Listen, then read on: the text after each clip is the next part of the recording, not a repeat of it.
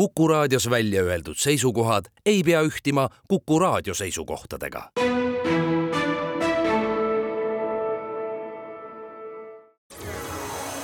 loodusajakiri, vaata ka looduseajakiri.ee.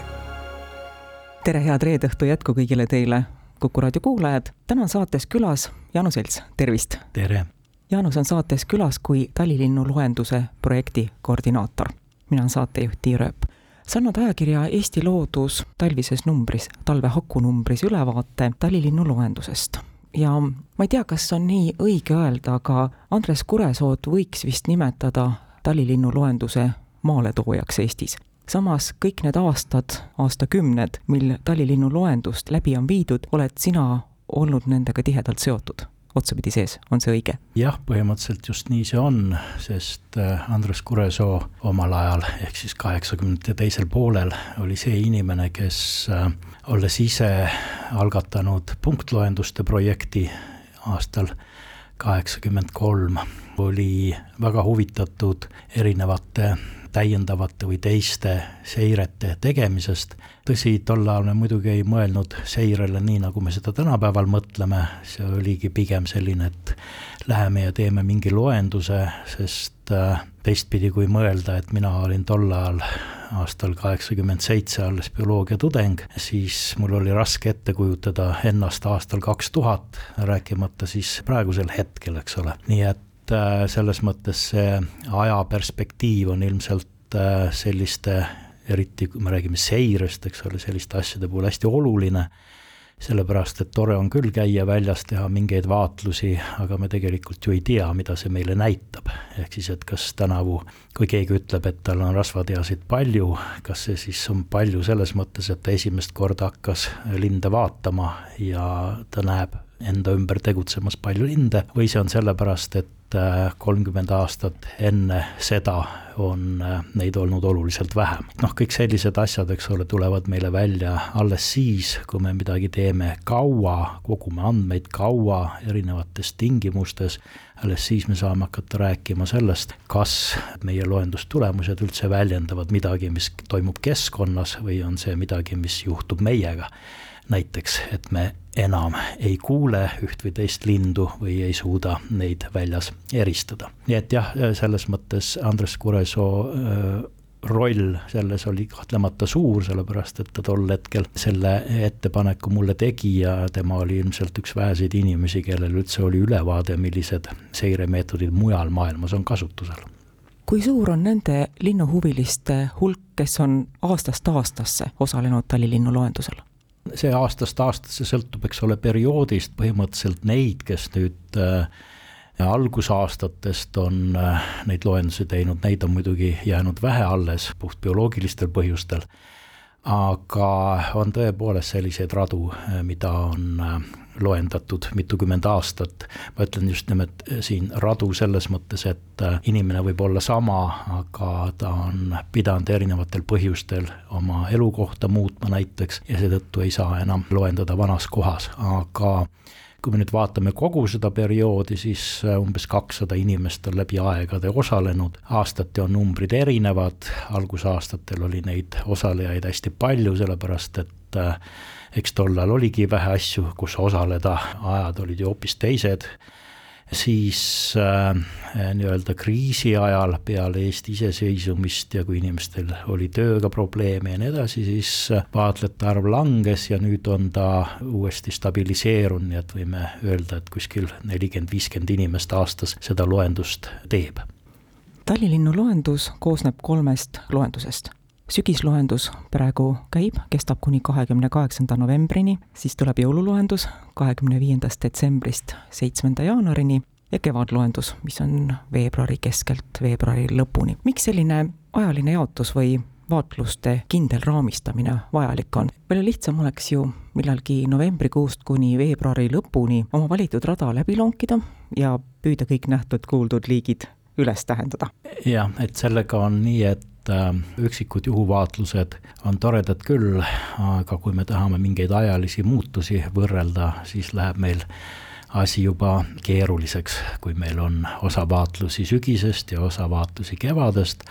sellepärast et äh, linnupopulatsioonid ei ole kunagi püsivad, me siin äh, võitleme igasuguste muutuste vastu, nagu kliimamuutused ja nii edasi, et et äh, noh, tegelikult kliima on kogu aeg muutunud, linnupopulatsioonid on kogu aeg muutunud ja kui me nüüd tahame teada, kas meil tõepoolest on linde saanud rohkem või vähem, siis me peaksime seda tegema kindla metoodikaga. ja, lisaks on asi selles, et äh, vähemalt siiamaani on see kesktalvine periood olnud kõige stabiilsem, mida on selles mõttes nagu aastast aastasse lihtsam võrrelda, samal ajal äh, talv kui selline on ju muutunud, kui me mõtleme sellele, milline oli ilm kolmkümmend aastat tagasi umbes praegusel ajal, siis võib arvata, et oli oluliselt jahedam ma mäletan siin mõne kursusõe sünnipäevi, kui tuli nagu sellistes väga tõsistes taliriietes külla minna, sest väljas oli kakskümmend kraadi külma. noh, praegult meil seda ohtu ei ole, mis tähendab seda, et kui me nüüd linde vaatame, siis nende jaoks äh, justkui see sügis on muutunud pikemaks, see muuhulgas tähendab seda, et kui äh, taliloenduste alguses oleks täiesti mõeldamatu olnud see, et praegusel ajal veel kuskil arvukalt oleks kiivitajaid olnud, siis äh, viimastel aastatel on meil selliseid Tallinna loenduse esimesi loendusi, kui märgatakse veel sadu kiivitajaid, et nad lihtsalt ei ole veel läinud ära ja kindlasti kehtib see veel paljude teiste liikide puhul, keda võib massiliselt leida sügisloenduse ajal, kuigi siis, kui me neid loendusperioode alguses paika panime, lähtusime me just sellest, et sügisränne oleks läbi. nüüd need ajalised või noh, kliimamuutused on olnud sellised, et linnud on jäänud siia pikemalt pidama ja põhimõtteliselt sama kehtib kevade kohta tõepoolest äh, ka seal loenduste algusaegadel oli selliseid kevadeid, kui äh, kahekümne neljandal märtsil väljas päike paistis, lumi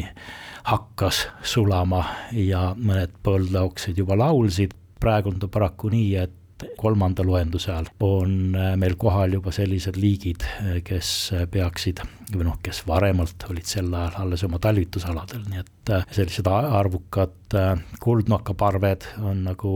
veel kuidagimoodi arusaadavad, aga, aga meil on terve hulk teisi liike, keda veebruari lõpus juba võib arvukalt kohata. loomulikult on aastad väga erinevad ja see tähendab seda, et et äh, lisaks muudele asjadele saame me sügise ja kevade tulemuste võrdlemisel teada, kui palju siis hukkus näiteks meil siin talvituvaid linde. Need eelmised näited, mis ma tõin liikide kohta, olid ju kõik rändlinnud, ehk siis me eeldame, et nad talveks lähevad meilt ära või mõni üksik neid siia jääb, siis on terve hulk selliseid liike, kes äh, osaliselt talvituvad siin, osa populatsioonist, neid nimetaksegi osarändseteks ja see proportsioon, kui palju neid siit ära lendab äh, või paigale jääb, on muidugi aastati erinev. ja siis kolmas kategooria, need on noh, mõnes mõttes isegi võib-olla kõige huvitavamad linnud tallilinnuloenduse seisukohast, need on need, kes äh, siit äh, kuhugi kunagi ära ei rända. et need on siis sellised tõelised paigalinnud, kes kõige paremini näitavad seda, mis meil siin Eestis toimub aastaringselt, sellepärast et üks asi on neid lugeda suveperioodil, teine asi on siis talveperioodil. Ja noh, selliste liikide näiteks on sellised toredad linnud nagu põldvarblane või koduvarblane, kes noh, võib-olla mõnedes inimestes tekitavad teatud vastakaid tundeid, et ikka alati leidub neid, kes ütlevad, et ah, mis sest varblasest, aga varblane on sama nii-öelda väärtuslik lind ökosüsteemis kui ükskõik milline teine lind. Ja enamasti paigalinnud on meil ka näiteks puukoristajad, kes küll mingisuguseid rändeid aeg-ajalt teevad, siis meie vareslased on sellised, kellest osa küll rändab aktiivsemalt, aga harakas kindlasti mitte, nii et kõik see, mis harakaga toimub, on puhtalt siin toimuva peegeldus. noh, tõsi, mõni, see on nüüd küll väga erandlik juhtum, kui mõni siit talveks ära liigub, üks minu rõngastatud harakapoeg lendas järgmiseks talveks Venemaale kakssada kilomeetrit eemale, aga see on väga erandlik selle liigi puhul, et nad ikkagi enamuse oma elust nii-öelda sünnikülas veedavad.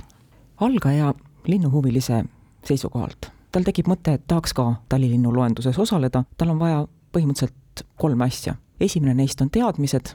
teine asi on materiaalne pool, on vaja binoklit, on vaja head kirjutusvahendit, see peaks iga ilmaga kirjutama, mida sina kasutad, harilikku pliiatsit, see võiks iga ilmaga kirjutada. Sellega on nii, et äh, alguses ma hoolega kasutasin harilikku pliiatsit, aga tänapäeval on kuidagi need pastapliiatsid nii heaks läinud, et nendega saab ka talvel kirjutada, ma arvan, et pigem on oluline vaadata seda, et kas sajab või mitte, et noh, selles mõttes, et äh, märga märkmiku pastapliiatsiga kirjutada on äh, väga keeruline. mulle tundub, et kolmas asi, mida algaja linnuhuviline vajab ja mille üle ta peab ise või kellegi kaasabil otsuse vastu võtma, see on see rada, mida ta läbib ja see on kõige keerulisem. jah, raja valikuga on nii, et äh, põhimõtteliselt mingeid piiranguid ei ole, aga inimene peaks mõtlema sellele, et see rada oleks alati läbitav. kui te looduses rohkem liigute, siis te teate, et mõni teie lemmik paik, kuhu te aastast aastasse lähete, ükskord on hästi läbitav, kõnnitav, ka talvel ja teinekord on seal suured hanged, nii et see on selline asi, mida peaks meeles pidama. seda enam, et äh, need sellised kriitilised kohad, kuhu võib väga tugevalt tuisata või mingid sellised rajad, mis täiesti kindlasti on talv läbi kinni, et nende puhul peab arvestama siis, et äh, nende reaalne läbimine saab toimuda küll ainult räätsadega või äärmisel juhul suuskadega. ma suuski siiski ei soovita, sellepärast et kui me läheme suusatama, siis me kipumegi suusatama ja meil tähelepanu lindudelt läheb ära. räätsad on selles mõttes natukese lollikindlamad, aga aga jah, ideaalis võiks see olla selline rada, mille te olete võimelised ükskõik millise ilmaga läbima, vastavalt oma füüsilisele võimalustele ja vastavalt sellele siis, kuidas seda teiste inimeste poolt kasutatakse, et loomulikult äh, maanteeservad ei ole hea variant, sellepärast et seal on palju müra, sealt, eks ole, lendab äh, seda niisugust äh, loppa, mis teie binokli ära määrib ja nii edasi, nii et, et see kindlasti ei ole hea koht, kui on vaja ühest rajaosast teise minna ja vahepeal seal kuskil lühikene lõik tõesti sadakond meetrit maanteeservas minna, see on nagu teine lugu, aga aga sellised intensiivselt kasutatavad kohad ei ole head. elupaigatüüpide osas mingisuguseid eelistusi ei ole, kõik kohad on huvitavad, ma ei soovita küll neid radu rajada mereranda veelindude loendamiseks on meil olemas spetsiaalne projekt, Kesk-Tallinna veelinnu loendus, mis äh, kindlasti palju objektiivsemalt hindab veelindude arvukust, et see loendus on mõeldud eeskätt äh, maismaa tallilindude jälgimiseks ajakirjas Eesti Loodus sa õige põgusalt räägid ka nendest trendidest, mis on tallilinnu loendusega välja tulnud. nii saab sealt teada, et meie ronkade arvukus on suurenenud, et leevikese arvukus on stabiilne, aga ka seda, et harakate arvukus on kahanenud. mis selle taga võiks olla? no haraka puhul on nii, et meil ei ole põhjust nüüd arvata, et selline otsene aktiivne vaenamine igapäevaselt aset leiaks, kuigi jahimehed tõesti seda lindu ei armasta, aga tema puhul kindlasti mängib rolli ka elupaikade kadumine, sellised tema jaoks ideaalsed kõrged pajuvõsastikud on ju ära kadunud, kui te jälgite linna servigi, mis aastakümneid tagasi olid sellised tõsised rupikud, kümne meetri kõrgused, mingid äh, noored puistud, kuhu harakal oli hea turvaline pesa rajada, siis äh, tänapäeval on need juba ammu hakkpuiduks tehtud. nii et see maastike ilusamaks muutumine selle liigi puhul on kindlasti probleem, noh tõsi, ta on siis osaliselt kolinud aedadesse, taluaedadesse ja me leiame vahest pesi kõrgete kaskede otsas, mis on selle liigi jaoks täiesti kindlasti ebatüüpiline olukord, aga noh, mujal maailmas on nad linnakeskkonnas tõepoolest ka selleks juba kohanenud aga nende jaoks kindlasti on tõsiseks vaenlaseks ka kõikvõimalikud väikesed imetajad, kellele meeldib puu otsa ronida, sellepärast et harakapesa on selline suur kuhil, sinna on turvaline magama minna ka nugisel näiteks, me arvame küll, et harakas on ise kõva vaenlane teistele liikidele, aga tegelikult päris palju pesi hukkub erinevatel põhjustel. äärmisel juhul võidakse see pesa üle võtta ka mõne kaku poolt näiteks, kes ise teatavasti pesa ei raja, aga osade harakate see nii-öelda katuse osa on nii palju hõre, et sealt siis teised linnud sisse pääsevad ja pesa üle võtavad tõsi, haraka puhul nüüd kindlasti tuleb mainida ka seda, et vot sellised mõned liigid, kellesse inimene kõige paremini ei suhtu, on tegelikult väga tugevasti alauuritud, nii et äh, noh, kõik see, mis ma siin tema võimalike ohtude kohta rääkisin, on see, mis tuleb lihtsalt minu, minu peast, lihtsalt minu mõttemaailmast, et mul ei ole võimalik neid faktidega tõestada, ainukene, mida ma oma kogemusest tean küll, on see, et paljud alad, kus ma vanasti kümneid pesi leidsin, on tänapäeval harakapesadest tühjad.